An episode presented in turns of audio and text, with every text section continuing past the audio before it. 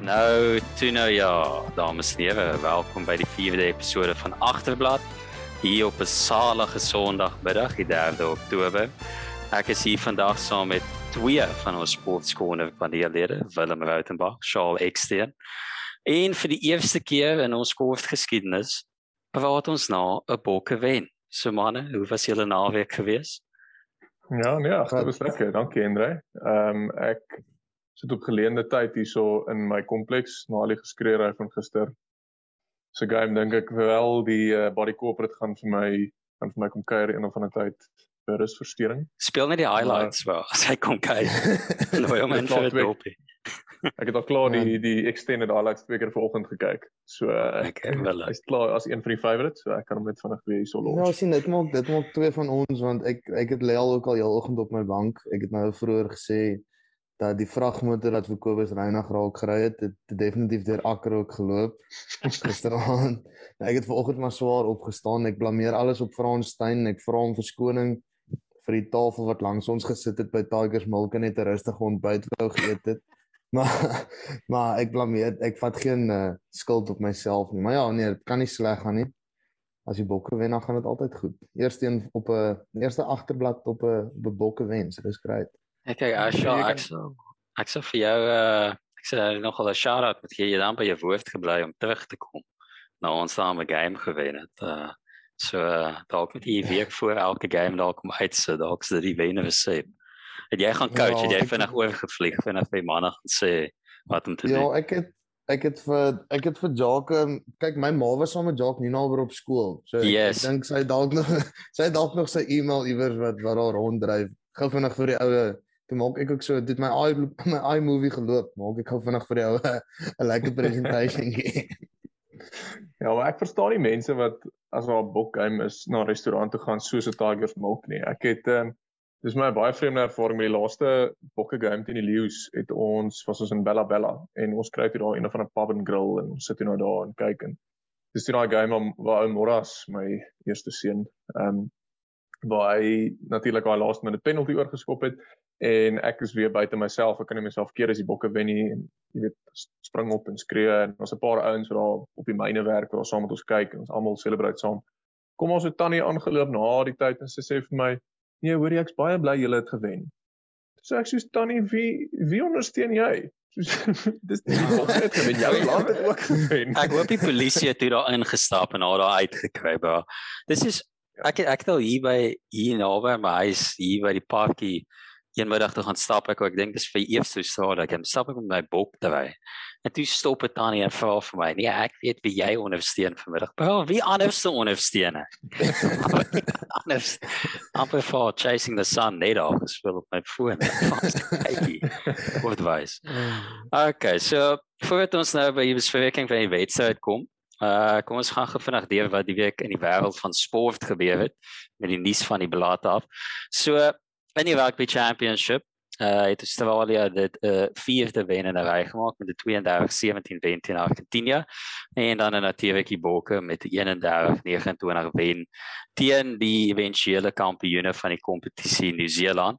Maar dit is belangrik uh om te noem veral vir die Nieu-Seeland joernaliste wat so graag uitwys hoe ons dit celebrate ons derde gekom het dat ons nou weer die nommer 1 span in die wêreld is. Ek dink is een van daai dinge altyd wie nommer 1 is. Dit maak net saak as jy nommer 1 is. Dan is dit 'n ding wat jy bysit in die CV.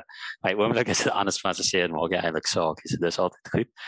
Ehm um, dan op klub rugby vlak en die uh, klub rugby kompetisie het al vier ons uh, plaaslike spanne weer eens verloor die week. Ehm um, ek weet nie of al iets was wat vir julle uitgestaan het daai behalwe ek moet sê WP se eerste helfte teen Munster moet ek sê het nogal my geskok. Ek het vir 'n oomblik weer in die lokval geval om hoop te hê vir die WP en toe in die tweede helfte toe mok hulle my weer uh deur 21 punte af te staan in 7 minute.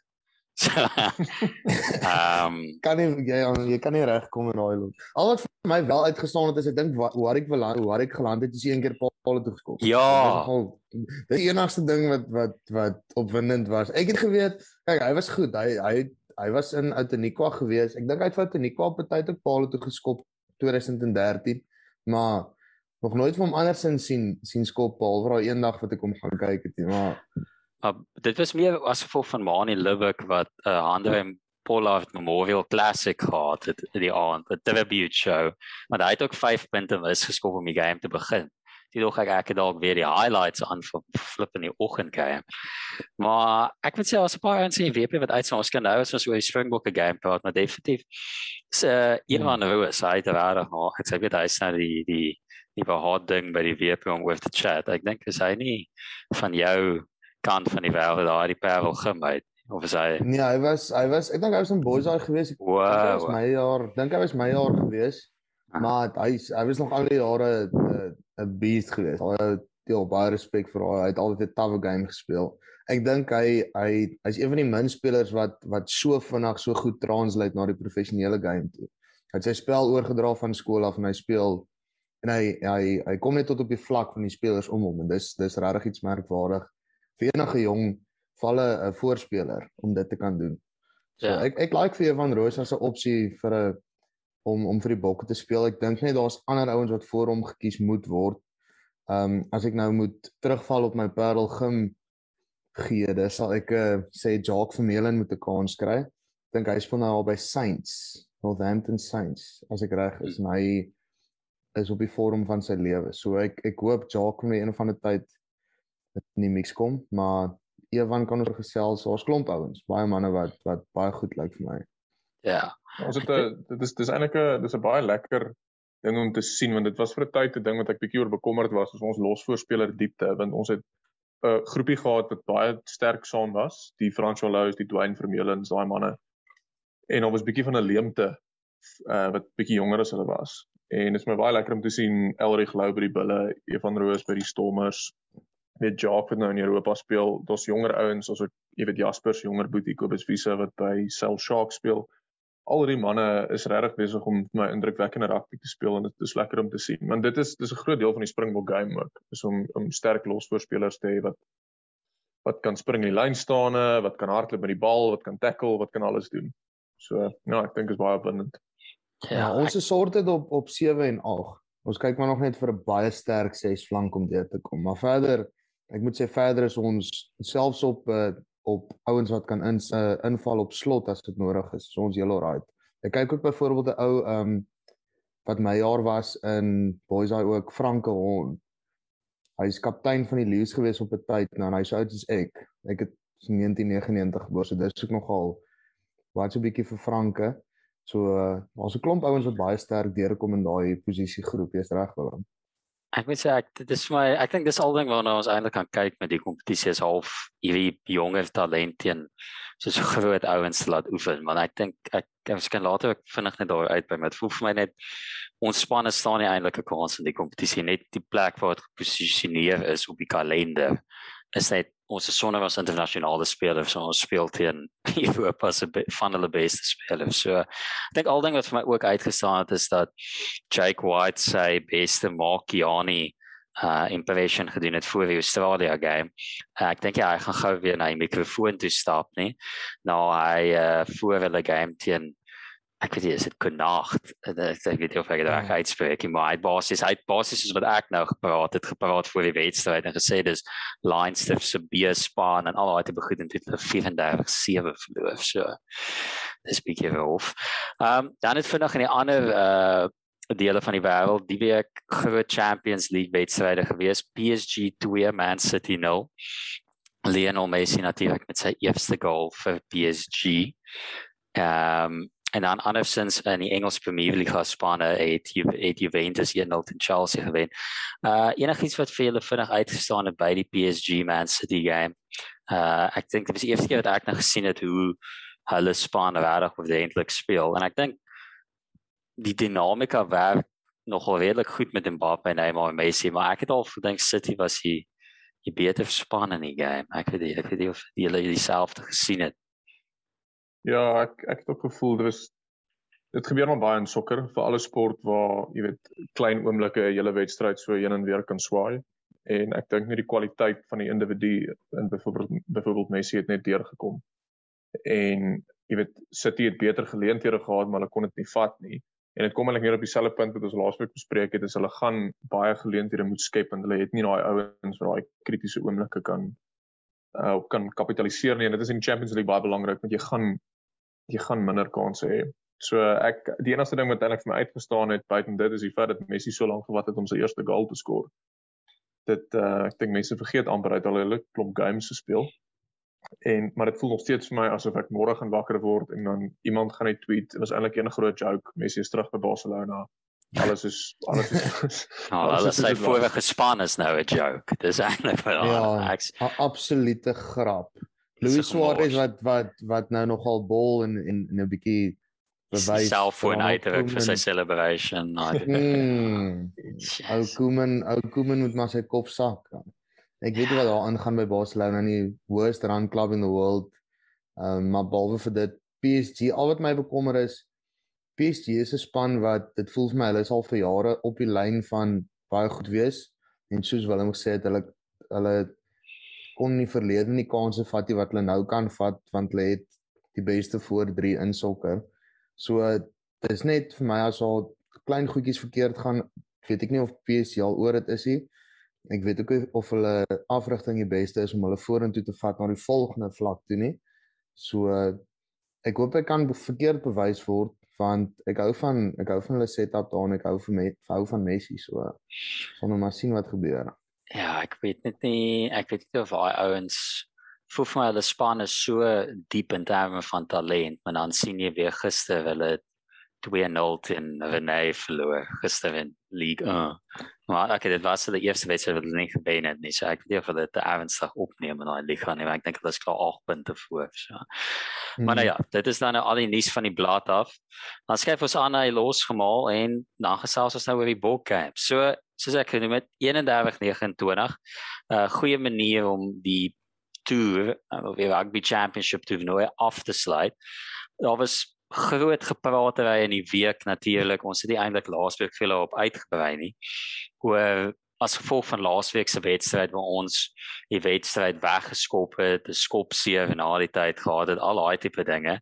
En dit was 'n groot vraag gevra oor die span en vir al die afrigting oor of ons speelstyl tot sukses kan lei teen die topspanne.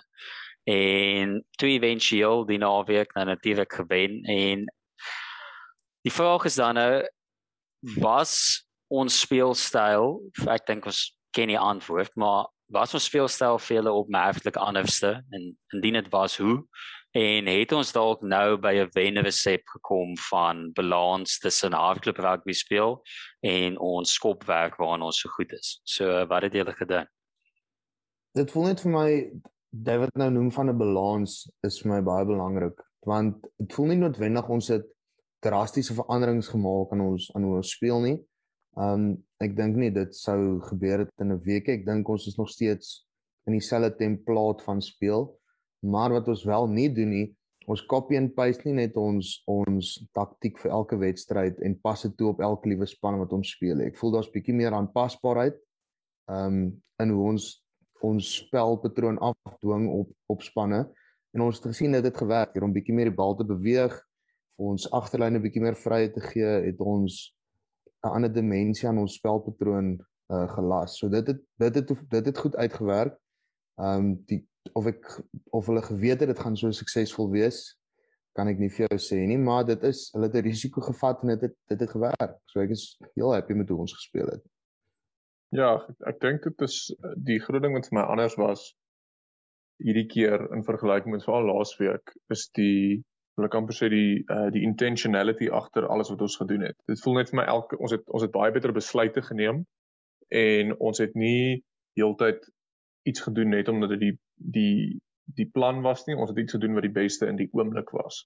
So uh, ek dink terug byvoorbeeld na Fransstein wat daai 150-22 geskop het wat toe gelei het na Mapimpi se 3 letterlik van daar af het ons die lyn staan gevat uh, wel dis ons lyn staan en die bal gekry oorgeshift en op die ou net Mapimpi gaan druk as ons by die template gebly het, het Steyn daai bal net reg in die lug opgeskop. En 'n template werk goed meeste van die tyd, maar daar is geleenthede waar jy jouself moet toelaat om 'n ander besluit te neem. En hy het dit gedoen en hy het baie goed uitgevoer en dit perfek vir ons gewerk. So ek dink ons het ons geleenthede baie beter gevat, nie net geleenthede om punte te maak nie, maar soos algemene spelgeleenthede. Ek dink ons het baie beter gespeel in daai ook. En dit dit word gereflekteer in die statistiek ook. As jy gaan kyk na skoppe hierdie week en laasweek, die All Blacks het meer as ons geskop hierdie week. Ja, hulle het 8 Ja, hulle het 28 keer geskop, ons het 27. En vergelyk met laasweek waar ons 38 keer geskop het en hulle het hulle het 18 keer geskop. So dis baie duidelik dat ons meer aanpasbaar was. Jy kan dit sien hoe Nino aber die bench gekies het ook. Dit was 'n 5-3 split. Ehm um, hy het op 38 minute 'n hele nuwe voorraai opgebring. Hy het vir Willie halftyd gehoek. Ehm um, hy het vir Elton en Frans tyd gegee. Ek dink net daar was die besluite was meer geneem gebaseer op die geleentheid minder as op die template en ek dink dit was die verskil was.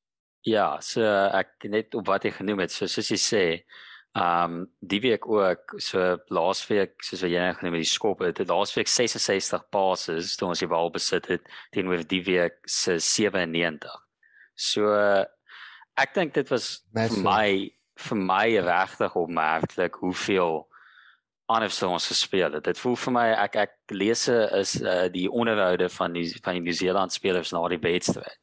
Die daai ek dink dit was Brad Weber wie skram af en die kaptein Sabia het na hy tyd gesê.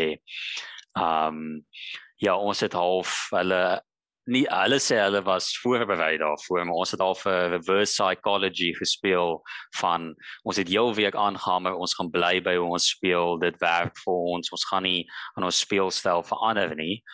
En toe dadelik toe die wedstryd begin, toe ek dink heel eers keer ons die bal gekry het, was dit nie 'n skop op nie, dit was dadelik okay, sprei dit uit, kom ons begin te hardloop.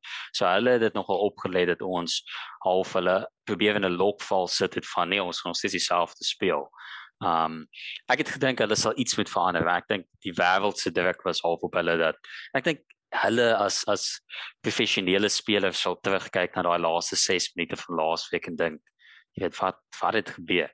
Um so dit dit was nogal vir my opmerklik hoe ons eintlik vir die ouens wat jy weet playmakers is 'n kans gehad het om hulle talent te wys. Um as ons kyk na as ons half die wedstryd van die begin af vat. Um ek kyk na iemand soos ons senterpaar wat ons 2 weke terug oor gepraat het van jy weet as hulle nie 'n kans kry om met die bal te speel nie en hulle is net daar vir verdediging, wat gebeur as hulle 'n slegte dag op verdediging het? En ek moet sê Damian en Lucanio Arm het my so beïndruk in die wedstryd. Ehm um, ek dink hulle hulle definitief uitgestaan van hoe om of territory te wen elke keer as hulle die bal het en dan natuurlik Arm se se fliek vir die 3. So ek ek dink dit was vir my heelwat anderste. Ehm um, ek weet nie wat wat het julle gemaak van die fliek? Ek moet sê dit was nogal indrukwekkend geweest. Ek het ek ek wou nogal gesê het op 'n punt van orde dat ek gedink ons moet so 25 minute van hierdie episode afstaan om te praat oor oor daai fliek. Nadat daar 'n uh, video gedeel was, ek dink Wêreld Rugby het het dit opgesit van ek dink Bowden Barrett het so agter die rug vir Milner Skadder die bal gegee in 2017 wat uh, wat nou weer die rondes gemaak het voor hierdie wedstryd en ek dink Lucanio Amr het verskriklik persoonlik opgevat net gewys hy kan ook ietsie in daai rigting doen. Maar nee behalwe dit ehm um, ek dink Diamond Delende was die beste backline speler op die speler op die veld van al twee spanne. Ek dink hy het 'n besonderse wedstryd gehad. Wat vir my baie beïndruk het was die manier wat hy ehm um, lateraal beweeg het op die veld tussen kantlyn en kantlyn. Hy het net uh soos ou gewoonte net gebly in sy channel skerp van Andre se skouer af hier. Hy was meer um meer dinamies geweest. En dit natuurlik vir kan jou 'n paar ekstra vlakke gegee om in te in te hardloop. En Lucanio Arm as always my gunsteling springbok op die oomblik eyster gespeel. Hy het 'n paar stupid besluite gemaak en hy lyk bietjie partykeer soos 'n penalty liability, maar dis alles fixable. Ek sien te veel gestres daaroor. Ehm um, maar die groot ding vir my was Andre Pollard. Ek is baie bly om te sien Jacques Ninaber het 2 weke terug se player ratings van die Australië wedstryd gaan lees waarin ek gesê het hy moet vir Andre meer die bal gee om mee te hardloop. Andre is die beste flat passer ehm um, in wêreld rugby. Die fly over die bal die beste by die lyn opvat in wêreld rugby. Ek dink geen flyer wil 5 meter van die skram af afstaan en heeltyd net die bal in die lug opskop nie. So ek bly om te sien hy het nou weer 'n bietjie daai vryheid teruggekry. Maar ek neem aan die naby was bietjie op 'n uh, sportskool en agterblad binge van Willem Uh ok, weet ons spring nou na die tweede helfte, maar toe het hy duidelik na jou advies geluister om Pollard toe na center toe te skuif en toe bring hy vir Elton op op op loskakels. Wat het jy daarvan gemaak? Ja, kyk ek ek dink ehm um, ek het eerstens ek dink ek het nog met julle gepraat tydens die game toe sê ek vir hulle wel hier is dit nou of maak of breek. Voel, ja, dis nou maak of breek of ek gaan die held van die week of die fraud van die week wees en gelukkig het dit nou goed uitgedraai vir my ek ek dink dit was wel omdat uh, Seboon Kossie seer gekry het, so ek dink nie dit was noodwendig deel van uh, Ninaber se se planne nie. Maar ek het ek het regtig baie daarvan gehou. Ek het regtig baie gehou van hoe hoe ons gespeel het. Ons het so dinamies gelyk met Pollard op 12. En ons 'n paar goed wat daarvan nou eerstens hier die double pivot, so jy het, jy het baie meer opsies om die bal te versprei. Die bal gaan ook baie vinniger van die van die raks of van die scrum af tot by die vleuel. So jy gee nie die ander span regtig kans om te shift nie. En dit is presies wat eintlik maar gebeur het ook met Mapimpi se 3's. Ons het net die bal baie vinnig op die punt gekry en hy hy kon toe nou druk. Wat ek ook daarvan hou is Damian op op 13 wat dit vir jou die opsie bied om basies 'n ongelooflike vinnige flank te hê wat as die vleuel getackle word, het jy iemand daar om om die rak skoon te maak. So daar's 'n klomp goed wat ek daarvan gehou het. Ek dink Pollard wat dit vir hom die grootste voordeel wel was hy kon fokus op die basiese goed wat hy ook baie goed doen. Net so Charles sê hy is die beste loskakel om die bal op te vat en as 'n binnesenter is dit baie keer die rol is om net die bal op te vat. Hy's baie baie solid op op verdediging. En ek dink hy het die geleentheid gekry toe Elton die skopwerk ook oorvat dat hy net kon fokus op so 'n paar goedjies, net die bal. Ek het baie druk van hom af weggevat, nee, van dit voel vir my dit ek dink kom na sy kop af. Ek kan dink soos hy moes gelees het oor mense wat half sy skop verwerf of bevraagteken en toe nog in die begin nie twee skoppe mis ook. Ja, nee 100%. Ehm um, een van my pelle het gisterand met my kom braai wat ook in gim was en hy hy so ons hy so 2 of 3 jaar jonger as Pollard, maar hy het ook sê ook vir my Pollard is een van die ouens met die sterkste koppe in wêreld rugby. Maar ek dink as jy dit week in week uit is almal sê ja, maar jy's die rede hoekom ons verloor het want jy daai skop mis geskop. Hmm. Ek dink nie enige enige jy weet man kan dit eintlik kan dit ignoreer nie. En ek dink wat Ninaber basies gedoen het is hy het hom die geleentheid gegee om op goeters te fokus wat hy regtig goed in is wat 'n bietjie onder die radar is in die sin van hy kon net lekker die bal versprei, lekker die bal vorentoe vat en net goed tackle en hy het dit uitstekend gedoen. So ek het baie daarvan gehou ek dink nog steeds Pollard moet op 10 begin. Ek sê nie nou vir my Elton moet op 10 begin en jy weet want nee, die probleem is nee, as jy Pollard nie. Ja, nee, kyk, as jy want die probleem is as jy Pollard 12 toeskuif met jy of of 'n Am of 'n Damian drop en ek kan nie daarvan nie want ek hou baie van hulle saam speel. Ek hou net van die idee dat ons 'n opsie het dat as iets nie werk nie, skuif ons dit om en dit dit, is my baie goed gewerk en ek is baie well, dis wat die dis wat die 5-3 split vir ons gegee het in hierdie wedstryd. Daai opsie om dit te doen. Uiteindelik ja. het Jacques 'n bietjie ook in ag geneem ons kort 'n bietjie rotasie in die span. Ons gaan nie net aanhamer met dieselfde selle selle nie. So ek's bly het besef kom ons sit vir Elton in, kwaai en dan ons gaan met die dubbel jantjies. Ek dink hy het ook nie te sleg gespeel nie.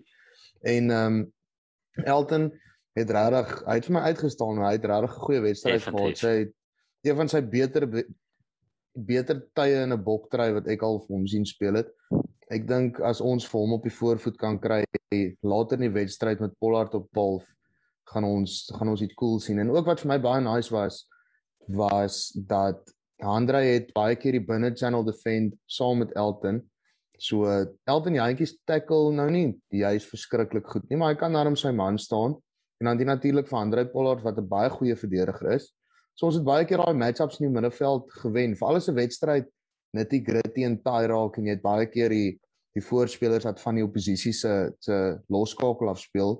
Is dit vir my is dit vir my nice geweest om dit te sien hoe hoe maklik Andre daar ingeskakel het en natuurlik Diamond aan die buitekant ook nog te. So verdedigingsgewys ook baie nice geweest. Ek het nogal bekommer oor dit toe toe Elton opkom maar dit was vinnig ek was vinnig te rustig gestel. Ja, ek moet sê met met Elton ek dink hy is maar een van die ouens wat sal nou weer 'n ander man praat wat ouens gou is om te kritiseer maar Uh, ons hou maar eerder negatiewe goed vir later. Um ek ek dink mense is gou om Elton te kritiseer ek ook. Ek dink mense bevraagteken half. Ek dink ek dink baie mense konnoteer half hy slegte tydperk waar Springbok het gegaan het met Elton ongelukkig. En ek dink as mens gou is om hom te kritiseer, moet mense sy goed doen vir hom half die die die prys daarvoor gee. Ek dink regtig hy was gister uitstekend geweest toe hy opgekom het. Ek dink regtig waar vir die die impak wat hy en die ander man wat ook opgekom het waar ons nou gaan gesels gemaak het. Um hy hy het my regtig beïndruk. Ek moet sê en uh half sy plek in die span half verdedig as 'n as 'n rolspeler. Soos jy sê, ek dink hy jy weet sy nie na een game gaan jy nou sê hy sê Elton op 10 kom ons shift as wat maar ek dink as 'n speler van die bankie af kan hy baie goed doen. En ek dink oh, net om vinnig te raak ehm um, vir ons by die res van die agter en die ander spelers kom aan ek ek sou gou vir wat julle gedink het van Faf gister ook want dit voel vir my hy was die ander man wat laasweek jy weet onder die sper 4 gekom het van wêreld rugby. En ek dink hy, hy het my baie meer lewendig gelyk die week in terme van wat ons twee weke terug oor gepraat het van hoe hy verdedig en hy's half oral en jy sien net die blonde kom wat oral hardloop. Ek dink dit was beter en hy was baie baie vinniger na half die bal versprei dadelik as dit afgaan as die bal uit boem boem boem boem boem hy was vir my vinniger hy was vir my meer op dit en sy en sy skopwerk ook was vir my slimmer die week gewees ook. Ek dink mense het meer van hom op gesien die goed wat hy goed bring na die span ook. Ja ek ek voel hy hy het weer teruggeval in in sy gewone verdedigingspatroon as 'n opskiet verdediger en Faf is baie goed daarin. Hy hy het homself goed van sy 12 sy sy taak gekwyt En al wat my bietjie geplaat van Faf was sy besluitneming rondom hoe om die die die pace van die game te reguleer. Hmm. Faf is baie 1 2 3 go go go druk druk druk. Hy moet weet partykeer om om sy sy voorspelers 'n kans te gee om om hulle self te te set. Maar verder as dit, soos Henry soos jy gesê het, Henry sy skop uitvoering was was baie goed geweest. Besluitneming rondom sy skoppe was great geweest. Ek moet sê, al die skoppe wat wat wat Faf gegee het, daar was nie een wat ek met my met my kop tussen my hande gesit het in Tigers Milky. So ek dis klaar 'n goeie begin en hy het 'n geel kaart gekry nie en hy het nie stupid penalties weggegee nie. So daai is onmiddellik 3 dubbel beter as laasweek. Ja, kyk, ek dink dis die eerste game in 'n tydjie wat ons actually nie 'n geel kaart kry nie en dit wys vir die verskil hmm. as jy nie jy weet jy kan jy kan jou game uitvoer. Wat ek wat ek om eintlik terug te bring na een van die eerste punte wat ek gemaak het, dit omdat ek voel ons het meer die game gespeel in plaas van die template gespeel, beteken dit ek dink Faf het sy geleenthede beter gekies om te skop. So wat hy laasweek sou doen is in 'n geleentheid waar hy nie moes skop nie, skop hy en dan werk dit nie goed uit nie want dit was nie 'n goeie geleentheid om te skop nie. Omdat hy sy geleenthede beter gekies het om te skop, jy weet was dit die kans was net beter dat die skop beter gaan uitwerk en dit is presies wat gebeur het ook. En Nieu-Seeland het dit het dit slim opgeset ook. Hulle het hulle het vir George Bridge heeltemal gedraap. Hulle het Severies ingebring, hulle het vir Johanni op en Severies op die vleuel gespeel en met Jordi Barrett op 15 is al drie ouens wat baie goed in die lug is ook. So ek dink as oh, Severies het 'n great game gehad. Severies het regtig goed gespeel. Ja, ek ek is nie sy grootste aanhanger nie oor meer persoonlike redes hmm. en ehm um, maar dis 'n hele ander gesprek vir 'n ander dag wat ek graag met Nieu-Seelandse rugby unie wil hê. Maar ja, ek sal hulle ek sal hulle ek sal hulle nooi om om eenmiddag met ons te kom gesels. Maar ja, ek dink as ja en jou jy en jou landlord en hulle almal saam by Willemse. Presies dit. Ehm um, en ek dink dit ons het die game goed gespeel. Ons het dit baie goed gemanage en dit was my lekker om te sien dat Fav weer opskiet want dit jy weet ons ons speel baie beter rugby as ons by daai tipe verdedigingspatrone hou en ons en ons tackle suksesrate was baie beter. Dit was 84% hierdie keer. En ons het laasweek gesê jy kan nie toets rugby wen as jou as jou tackle suksesrate nie hier rondom 85% is nie laasweek was dit 77. Jy weet mes dis nou jy kan nou klomp goed sê die kant toe of daai kant toe wat se gebeur het. Maar as ons jy weet as ons 7% beter getackle het laasweek, 7 percentage points beter getackle het, is daar 'n groot kans dat ons dalk die game kon wen. So ja, ek dink dis 'n baie goeie uitvoering van die plan. Nou, ehm um, voordat sy nou uit op die plaas van die bank gaan ons vir kyk na die voorspelers wat vir ons half uitgestaan het. Um mens moet maar begin by Dwayne. Um hy was die man of the match in die einde. Hy en die man by wie ons nou na dit gaan uitkom dink ek is zijn hulle twee gewees. Um maar jy sê ek dink daar is 'n beter speler by gesien in die kompetisie meer um van 'n staatmaker onder 'n hoë bal as Dwayne Vermeulen het dit was vir my interessant in die begin mm. van die wedstryd hoe hy die ou was wat saam met Willie half agter gebly het en hy was die ou wat elke keer die hoë bal vir ons gevang het. En natuurlik hy het aan die einde die die strafskop gewen wat ehm um, Frans Stein toe na die wat toe na die lyn staan gelei het en toe eventueel te kan sy strafskop vir Paul. Ehm um, hy was vir my uitstekend. En ek dink weer eens ons lyn staan was regtig goed. Dit was vir my opmerklik geweest hoe Nieu-Seeland ehm um, elke keer as die bal uitgegaan het, het hulle hulle het half die die ball boys half aangejaag, gee die bal, gee die bal. Hulle wou elke liewe lyn staan vinnig gevat het. Hulle wou nie half gekompeteer het by die lyn staan nie. Ehm um, wat ons eintlik half Ehm um, mense het nou gesien in die in die in die monster game van die Stormers hoe vinnig monster van die WP het ook heeltyd probeer dit vinnig vat en hoe die hele span soos half opgedruk het om te keer dat hulle half het vinnig bevat.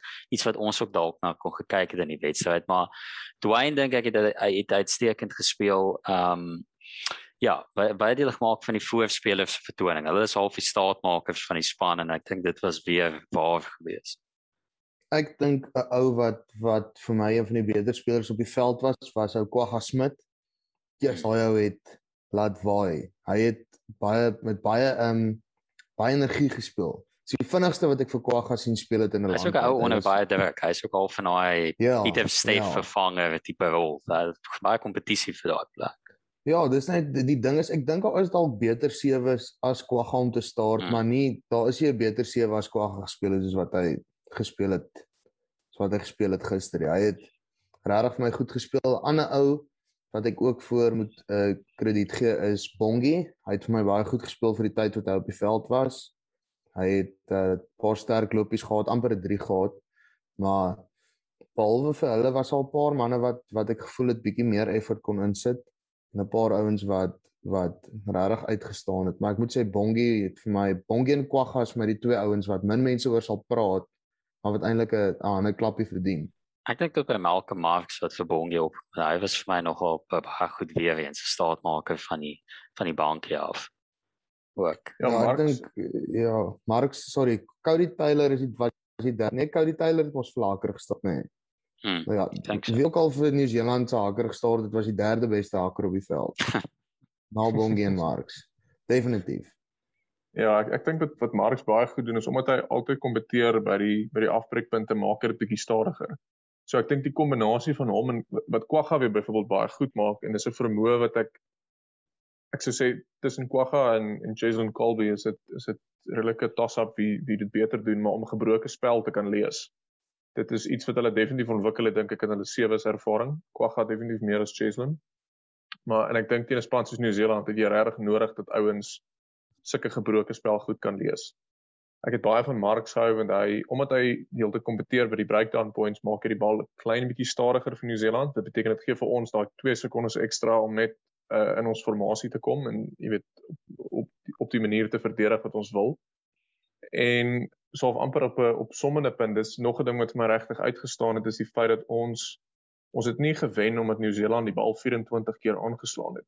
Nee, ons het ja. gewen want ons het hulle heeltemal van die veld af gespeel. Dit verdien om te wen. Ja. So ons het hulle out, ja. Ja. En Dwayne, ek kan nie genoeg praat oor daai ou. Jy soek ouens in jou span wat op die kritiese oomblikke vir die kritiese strafskoppe wen. As hy nie oor daai man gekom het en hierdie strafskop gewen het en letterlik met 10 sekondes oor nie, het ons hier weer gekla oor hoe depressief dit is om vir die bokke te kyk en en jy moet hy weet nie span nie hy gaan hy gaan nooit mag af te wen nie. Ek hoop hy weet dit. Dis hy gaan net tot in vir ewig moet speel. Wat ook al hulle môre in hy stein in gaan sit daai vrieskas vir die volgende leeu's toe. Maar spasie maak vir Dwayne langs want hy hy vir my hy is die mees konstante speler wat altyd goed doen in ons span. Hy hy's elke week week in week uit as hy daar is. Ja, en Eben. Eben het ja. Eben het baie lank terug 'n baie swak wedstryd gehad. Eben was 'n masjien in die lyn staan gewees hierdie week dink hy het hy het, hy het op crucial tye het hy vir New Zealand onder baie druk gesit by lynstaande. En natuurlik 'n ander ou om na te kyk is maar kom ons praat net oor die hele voorry. Toe daai manne opkom Kog en en en Kitshof en en Marx. Ek dink dit was 'n weird skuif van Jacques geweest, maar op die ou en het dit goed uitgewerk. Ek weet nog steeds nie regtig hoekom hy hulle in die 38ste minuut opgesit het. Ek het een van julle 'n nee. halwe idee oor hoekom dit iemand iemand het vir my gestuur 'n uh, vriend wat ek het ook so spesifiek met julle ook gepraat het tot by die ouens om die supersport paneel halftyd Nick en Brady en John was ook hulle verstaan nie mooi want ek, ek het nog half die sokker mentaliteit soos Willem Bees ook sê soos as 'n ou voor halftime afgehaal is is dit uit 'n shock of disaster class gehad dis al soos mm. okay die ou gaan nooit weer vir die span speel Um jy nou het gesê ons ons het gemik om ek dink ons het net ons het dit was ons lyn staan mos en toe bring hulle ouens op dat ons half 'n faf spak het om daar te help deur in 'n strafskop wen voor halftyd en hulle het tog nou 'n halftyd breek. Um maar ek dit was vir my vreemd. Ek ek verstaan hoekom hulle in die halftyd net kom opgekom het. Ek ek weet nie vir julle ander teorie het ook. Ja, ek ek het 'n teorie. Ek ek dink nie noodwendig dit is dis die die regte ding nie, maar as jy kyk na hoe New Zealand 'n game gespeel het, daar was so 'n tydperk tussen die kom ons sê die 25ste, 26ste minuut en die einde van die eerste helfte waar die waar die game baie gebroke was. En ons het ons het regtig bietjie flaster het gelyk. Hulle het vinnig 2-3 gedruk. Ons het dom foute gemaak.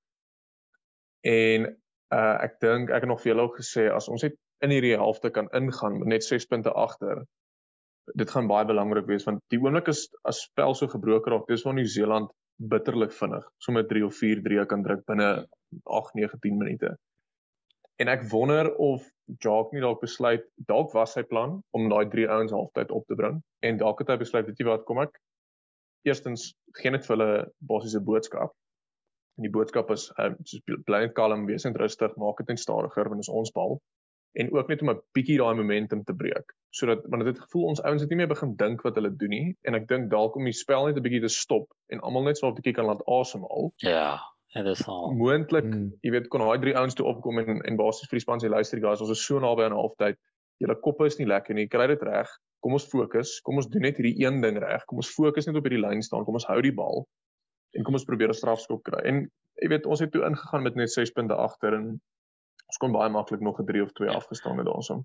Ek dink al die lyn staan wat ons verloor het by ons doellyn wat na hulle 3 gelei het kon half soos wat jy sê dit half dat dit was amper soos twee games in die eerste helfte. Ons het die eerste 20 minute gedomeineer te kom hulle half terug in die wedstryd en soos jy sê dit half begin hulle kop. Ja, ek kan nogal sien half soos 'n kalmerende invloed want dit is nie asof ons Waterboy die week het gedoen het. Die aangesien hy in die ref uh paar woorde gewissel. Dit is vreemd. yes. ek het, dit was weird. Dis is iets van 'n van 'n sokkerveld af. Ja, ek sien 'n jock het na die tyd jammer gesê. Lyk like my dit was 'n ding van hy het af gestuur na die waterboy dat hy vir die ref moet sê hulle moes die skop challenge wat hy het gedog is 'n 50-22 skop van ons. Dit moet ons bal wees. Maar toe sê hy die reël verkeerd geïnterpreteer want ons het ek dink twee passes gegee tot in ons uh halfte om dit toe te kry en toe is dit nie so mm. was so hele vreemde ding ek weet nie. Dis nou nie is nie hashtag my waterboy nie en daar's 'n een goat wat dit in so um ek sien het in sy box of sy games sit en kyk in plaas van water want met 'n castle so vroeg in sy pyjamas maar dink jy dit dink dit was Rassie se eerste castle? Ek dink hy was nie nee, wat, nee. maar hy het gesien op sy laptop sien. Ek het ek het geweet Jock praat met iemand na die game het hy heeltyd op die laptop wat nog ek is so Rassie vir die nee ek dink hy het sport castles dieper Classic watch along. Ja. lekker. Ja, wat sy livestream. Hy was sy watch along. Man het al vroegoggend in bed. Okay, nou praat ons van um, halftyd veranderinge. Nou kom ons by die die die jy weet spoiler early contender. Ek wil amper sê daar is nie 'n contender vir hoek van die helde die weer behalwe groot Fransstein van die Vrystaat. Ja. Wat 'n masjien in die wedstryd nag en dag verskil toe hy op die veld kom. Um ja, ek wil eintlik hoor wat julle ook gemaak het van hom want dadelik die die skoppe, hy het letterlik opgekom dadelik 50-22 skop. Hy was net ek dink sy fiksheid vir die hele 80 minute is 'n probleem, um soos wat Frans wat net die week hier gesê het, jy weet sit hom op 'n slaai, sit hom bietjie op 'n dieet en maak hom permanent 15 want ek dink hy hy lyk altyd hy lyk regtig so oor die ou net van die skare afgepluk het en gesê hoe hy en Joel net gey. Um en toe uh, Frans ja. Ek dink iemand het net iemand het net vir Frans om die trailer af te hou vir hy speel want die ou hy hardloop rond asof hy uh, asof hy iets het wat hom wat wat wat agter hom aan is maar ons ek ek weet nie Frans het is my nog 'n enigma. Dit voel vir my Hy is een van die spelers in die span met die meeste natuurlike rugby talent van hulle almal. Hmm. Jy kan nie so, so naby aan jou 50ste verjaarsdag wees en 120 weeg en dan nog steeds so goed kan rugby speel. Daar moet een of ander onderliggende talent wees wat wat baie sterk deur. Ek dink as Frans as Frans net bietjie kan kan gewig verloor en dalk moet ons net vir Frans nie meer brandewyn gee nie. Wel al sy post op Instagram is hy met 'n brandy en coke op sy skaapplaas in die Vrystaat. Dis om die tyd van sy lewe te hê.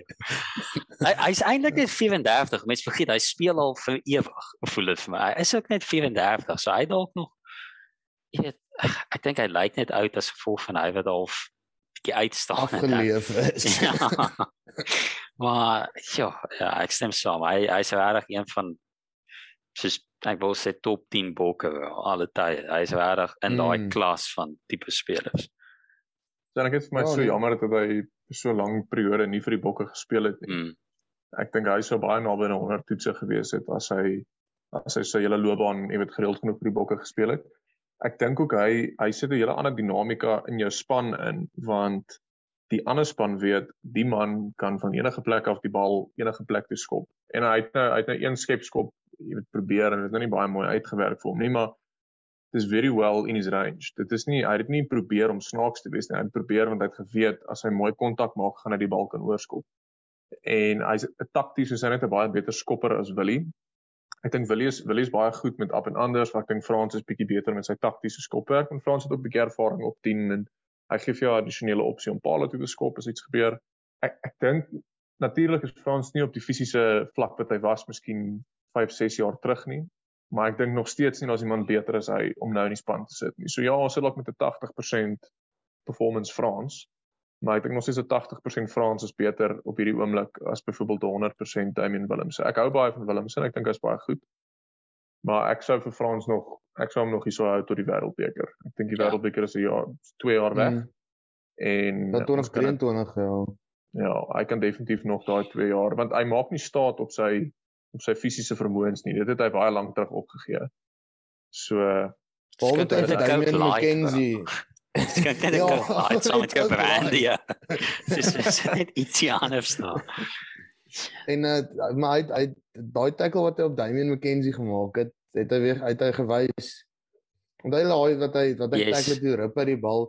Ek gesê dit is nie 'n penalty gewees nie. Hy het die bal gerip voordat? Damian McKenzie aan die grond geraak het. Maar ek dink die ref was net ja, groot Frans, dit kan nie net penalty wees nie. maar ehm um, ek dink Frans het nog 'n paar fisiese traits wat hy na die game toe bring. Hy's 'n hele ander tipe fullback as as enige ander ou in die box squad.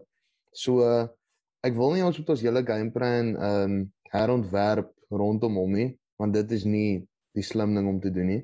Is dit nie dalk waar ou miskien kyk om vir Apolile Fassie in te bring? Eerder as uh, as om vir Frans nou heeltyd game time te gee. Nie bring vir Fassie in speel hom 'n bietjie en stuur vir Willie terug uh strand toe want hy in Somerset West en Newbar kan kuier Ja, weer rugby speel nie. Ag, okay, ons sal sekerlik oor oor dit moet praat. Ek wil nie oor negatiewe goed praat nie, maar kom ons doen ek wil nie oor hom praat nie, bro, maar kom ons doen dit nou maar.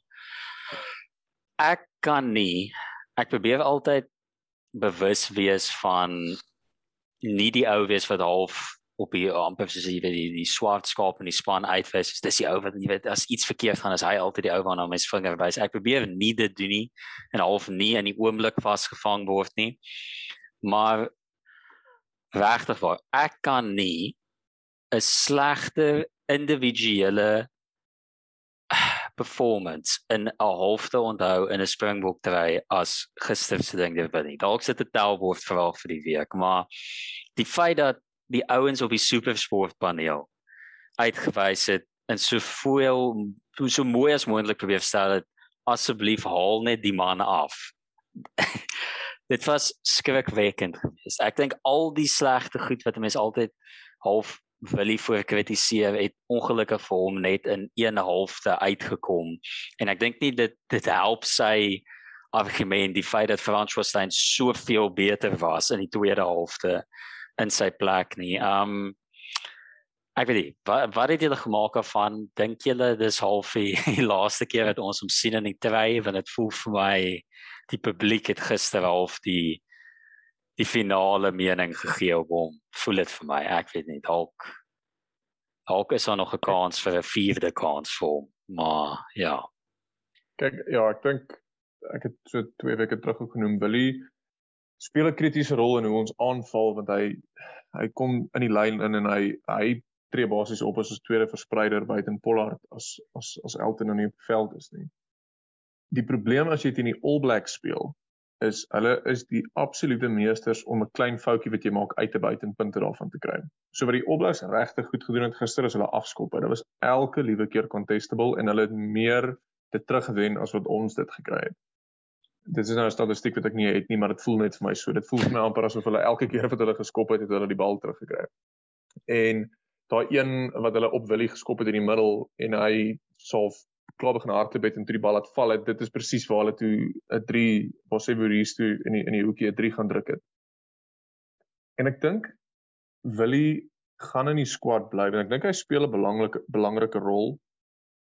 Maar ek dink sy kans het in hierdie in hierdie kritiese games gaan dalk 'n bietjie minder word want die jou probleem waarmee jy sit en dis hoekom ek dink nie naby hom afgehaal het is 'n span soos Nieu-Seeland identifiseer jou swakpunt en hulle hamer dit op die hele liewe tyd. Dit was eintlik boelie gedrag gewees op die veld. Ja. Later gevoel. Ja, nee, heeltemal. Ja. Yes. Maar dink maar dink julle nie dat daar moet een of daar moet gevolge wees aan aan ons sleg speel. Jy kan so nie dalk kompetisie. Jy kan nie as as as ek Jacques Ninaber was het ek vir Willie gebench vir ten minste twee die volgende twee wedstryde. Ek sal mens nie 23 sit nie. Ek sal vir Damian Willems op as my utility player hê en ek sal vir Elton Jantjies nou sal op die bankie speel en ek start vir Frans. As Frans miskien 'n asma aanval kry na 20 minute, bring ek vir Gaza op. ek weet nie om nie. Maar Willie, dan moet dan moet een dan moet iewers moet daar 'n bietjie accountability wees vir vir swak speel. Maar maar dink jy nie ook Willem jy neem ek ek sê saam ek natuurlik bring jy ou goeie goed na die span ook. Hy's nie 'n springbok wees as hy nie as hy nie het nie, maar dink jy hmm. nie die die die die voordele wat hy bring in die aanval in ons span. Is daar nie ander ouens wat op fullback en uitdra vir Bokke of ons kan half agter. Ek weet ons het al gepraat met Chazelle en dalk op fullback iets om dalk te toets nou einde van die jaar. Ek weet hy speel af en toe daar vir sy klub. Um ek okay, ek ek weet dis nou 'n naam wat opkom. Ek weet hy het of hy Bokke speel iemand soos 'n uh, 'n Warwick geland. Dalk net tot by fasie enigiemand. Dink jy nie daar's daar's iemand wat mense half nou kan inoefen voor die wêreldbeker. Kom ons kry 'n ou, kom ons toets 'n paar manne uit en kry vir hulle konstante speeltyd. Want ek dink net in 'n groot wedstryd, soos wat jy nou sê, ek dink sy kanse in groot wedstryde gaan maar beperk word, maar ek dink al ek weet nie, voel net vir my dit dit dit gister 'n punt bereik waar almal al besef het jy weet wat ons vir die ou nou soveel kansse gegee en hy het een uit elke vyf wedstryde doen hy sy werk, maar dit voel net vir my dit was half nou 'n verskoning vir die vir die vir die afrigters om half te besluit jy weet wat tot hier toe nie verder die tyd om 'n nuwe manne in te bring. Ja, dit gaan ja. vir my een van die groot goed wat my sorry Willem wat wat nou vir my bekommer is sit jy vir Fassie in op fullback want Fassie is is baie ouens se eerste keuse om nou vir Willie te vervang. Um ek dink die Fassie kan in ons skop game so goed in in inval nie ek dink ons ons is bietjie meer uh, te skop gesentreerd. Maar dan natuurlik het jy vir Damian Gaza, vir Willemse. Hy kan nou weer baie lekker skop, maar ek weet ja, ek weet ookie wat met dalk is hy ook deur 'n vragmotor raak gery, maar daar is net um, ek ek dink Willemse moet dalk 'n kans gegee word. Fasie kan dalk stadig in die span ingewerk word, soos wat jy sê, want hy hy is nie 'n plug and play fullback nou vir die sprong. Hmm. En Cheslin op 15 is ek nie mal oor nie want ek dink hy is die beste regtervleuel in die wêreld en ek ek dis is om vir Ivy de Villiers te laat open. Dis dis baie die Falkie wag, dit sit maar wie se nou dit nie. Sy gebeur. So dis dis vir my dis vir my maar alles ek ek sal vir Cheslin hou op 14. Ek dink Willem sê is ons logiese opsie om eerlik te wees. Ja, ek, ek dink ja, ons Die manier hoe ons speel beteken ons vereis baie spesifieke goed van ouens in baie spesifieke posisies. En die tipe spel wat ons van ons 15 vereis is iets wat Willie tradisioneel eintlik heel oukei doen. die probleem met 'n fullback is jou wil ek amper sê jou jou aksies in die in die wedstryd is gewoonlik baie hoë druk situasies. Soos byvoorbeeld iemand wat baie hoog op jou skop of jy kry die bal in jou I25 en jy moet hom uitskop en gewoonlik jy weet daai goed kan ek nog vergewe as jy hier en daar 'n hoë druk ding verkeerd doen, maar die probleem kom in is as jy jou basiese goed verkeerd doen.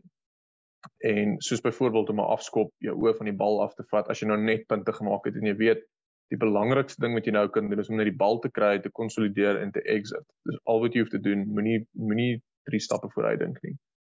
Omdat ons 'n baie spesifieke tipe spel vereis van ons 15, dink ek Fassie gaan sy sy game baie moet ontwikkel en ek dink amper hy sal hy gaan definitief in die squad wees, maar ek dink hy gaan meer as 'n vleuel speel as 'n as 'n heel agter. Ek dink ons vleuels daar's bietjie minder tegniese kompleksiteit in aan hulle spel en ek dink hy kan dit meer natuurlik vervul. En ek dink Willem se is is heel moontlik maar ons langtermyn 15. Ek dink hy het meer gereeld by by die Stormers daar gespeel, maar dan gaan hy moet commit tot dit ook want ek dink op die oomblik sit hy in daai no man's land waar hy's nie regtig 'n 10 nie, hy's nie regtig 15 nie, maar hy's 'n goeie utility speler wat beteken hy gaan altyd in die squad wees maar hy gaan nooit in die in die starting 15 wees nie. As hy commit op 15 dink ek sal hy uitstekend wees. Ek dink Gosen, ek bring elke keer vir Gosen op, maar ek dink hy het daai daai vermoëns wat ons wat ons soek van iemand op 15, goeie verspreider van die bal, goeie taktiese skopwerk. Maar ek ja, ek is altyd 'n verdediger van Willie maar dit is moeilik. Ek kan nie sy spel, jy weet, ek gaan hom nie teen alle koste verdedig nie en en Saterdag was net nie goed genoeg nie. Daar was daar was niks wat hy in die wedstryd gedoen het wat wat enigsins 'n uh, justification gee vir hoe hy moet kies. Hy hy het niks.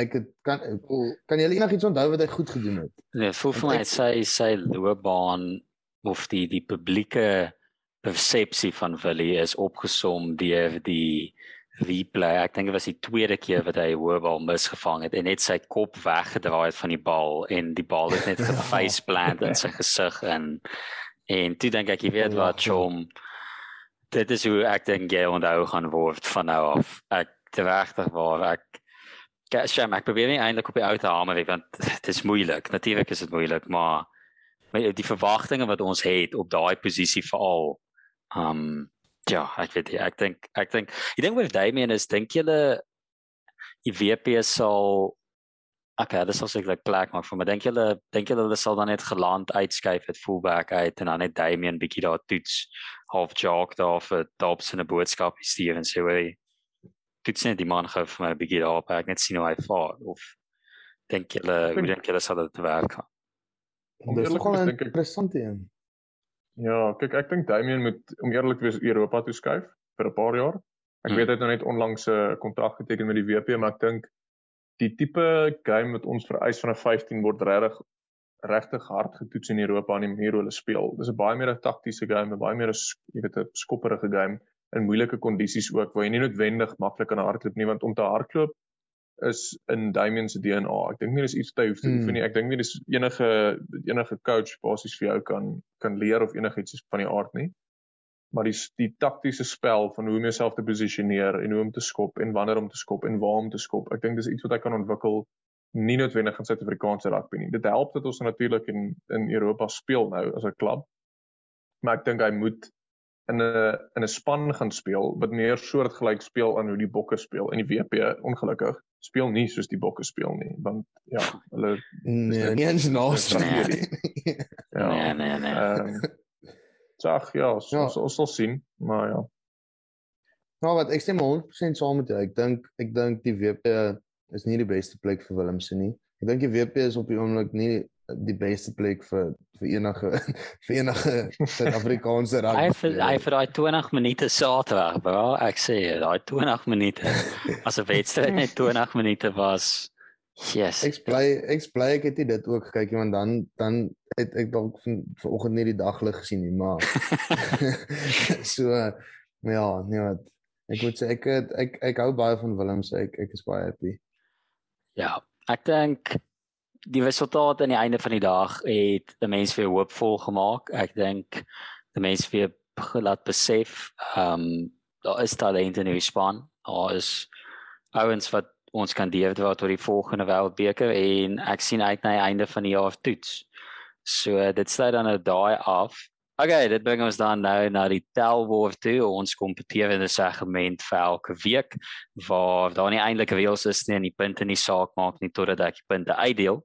Ehm um, en vir die week se telbord fokus ons in op die sokkerwêreld en daar's nêrens anders om te begin as by Manchester United nie. Hulle is besig om bietjie verby die Ronaldo honeymoon fase te kom en het nou 'n paar slegte resultate in 'n ry gehad en hulle definitief moeilike uh wedstryde wat voor lê. Ons het gesien gister in hulle 1-1 uh, uh gelyk opspeel teen Everton wedstryd hoe Ronaldo afstorm by die tunnel af.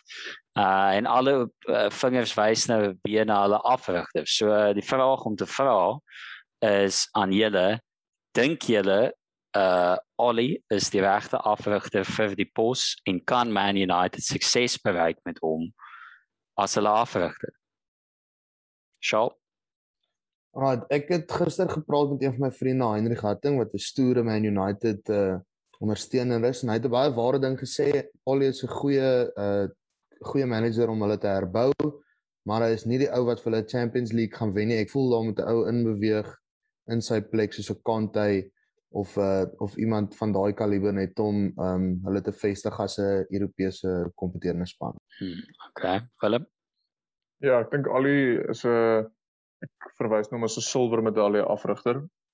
Ek dink hy gaan vir jou altyd net net tot voor die einde bring en ek dink ek verstaan nog steeds nie lekker wat sy identiteit as 'n afrigter is nie. So ek dink hy het 'n goeie werk gedoen om bietjie uit die Ferguson era uit te beweeg en om hulle in 'n nuwe era in te marshal, maar ek dink nie hy is die ou wat hulle gaan vorentoe vat om die Premier League te wen nie. En ek dink as hierdie seisoen nie vir hom uitwerk nie met die geld wat hy al spandeer het, dink ek gaan die Man United board nie nie baie. Ja, ek dink hulle gaan daai geluid van die buzzer in sy kantoor speel en sê tyd is op. so uh, nee, ek ek ek sou met albei van hulle saamstem. Ek dink ek sou vir hulle die punte deel soos wat hulle gister het, um tussen julle twee want ek weet nie, dit voel vir my soos wat julle sê goed die span opgebou op dit buitepunt om half uit die rotasie van afrigters te kom, maar ek dink ja, hy is die man om jou te vat na die volgende vlak nie en ek dink half al die PE teacher grappe oor hom klou nog aan hom vas dat hy nie eintlik 'n goeie afrigter is nie. En hy is nie 'n man wat baie ervaring het in die pos ook. Jesus, ek weet nie, ek weet dis maar vreemd vir 'n klub, so groot klub om 'n ou aan te stel met so min ervaring, maar jy weet ek sien nie daarvan weet nie. Um dan aan na die Champions League soos wat ons gepraat het die week. Um ons het nou gesien hoe die twee gunstelinge vir die trofee die uh, die seisoen teen mekaar kompeteer. Uh na twee weke, wie sou julle sê is julle gunsteling om die beker in Mei maand volgende jaar te lig? Ek sou in die begin het ek gedink iemand soos uh, PSG staan 'n baie goeie kans en ek dink hulle doen. Maar ek dink amper iemand soos Liverpool staan 'n baie goeie kans. Ek dink hulle is net die mees gevestigde span.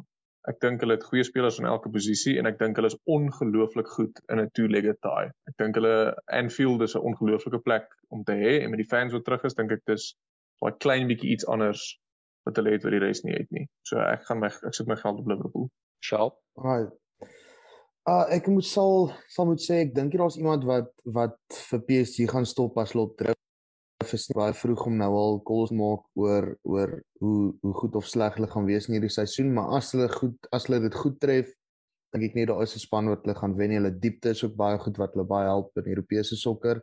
So ek dink ek gaan maar die vyf die die klise keuse van PSG vat Ja kyk, ehm um, as 'n sokker fanatikus beweer ek maar jy weet dan my groot rol as moderator by tel word.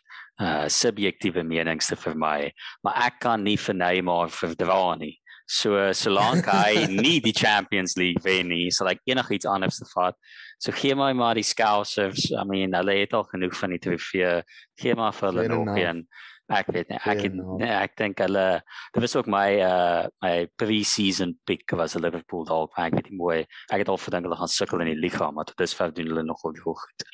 Okay, dit bring ons dan tot die einde by Telbord en dit bring ons dan nou na dis uh, agterbladsy eie saal van room ons hoek van helde vir die week. So manne, ons het nou 'n bietjie gesels oor een van die vroeë uh, nominasies vir die vir die prys die week, maar wie het vir julle uitgestaan die week in die in die week van sport en wie was julle held vir die week? Okay, so ek het ek het ek het snaaks genoeg, ek het 3. Ek het vir Thomas Lavanini net omdat hy seker die slegste Argentynse rugby speler is wat al oor die game gespeel het. Ek wil net aan hom 'n shout-out gee dat hy hom kan fraud in 'n span in elke liewe jaar. so hy is hy is my definitief een van my helde van die week. Dan natuurlik uh vir Steven Orendaal. Hy's 'n superbike racer. Hy ry in die SSP afdeling. Dink hy het vandag eerste gekom in Portugal. Ek het 'n bietjie vir hom dopgehou vandag. Wel dan vir hom. Hy het ook onlangs pa geraak, so baie geluk. En dan laastens wil ek net aan Elton Jantjie sê, ek is jammer vir alles wat ek sleg van jou gesê het, maar jy is my held van die week ou Elton was 'n eister gewees en hoe vinnig hy daai laaste penalty oorgeskop het om die game vir ons te vat. Ek moet sê, dit was dit was dit was great geweest. So Elton, well done.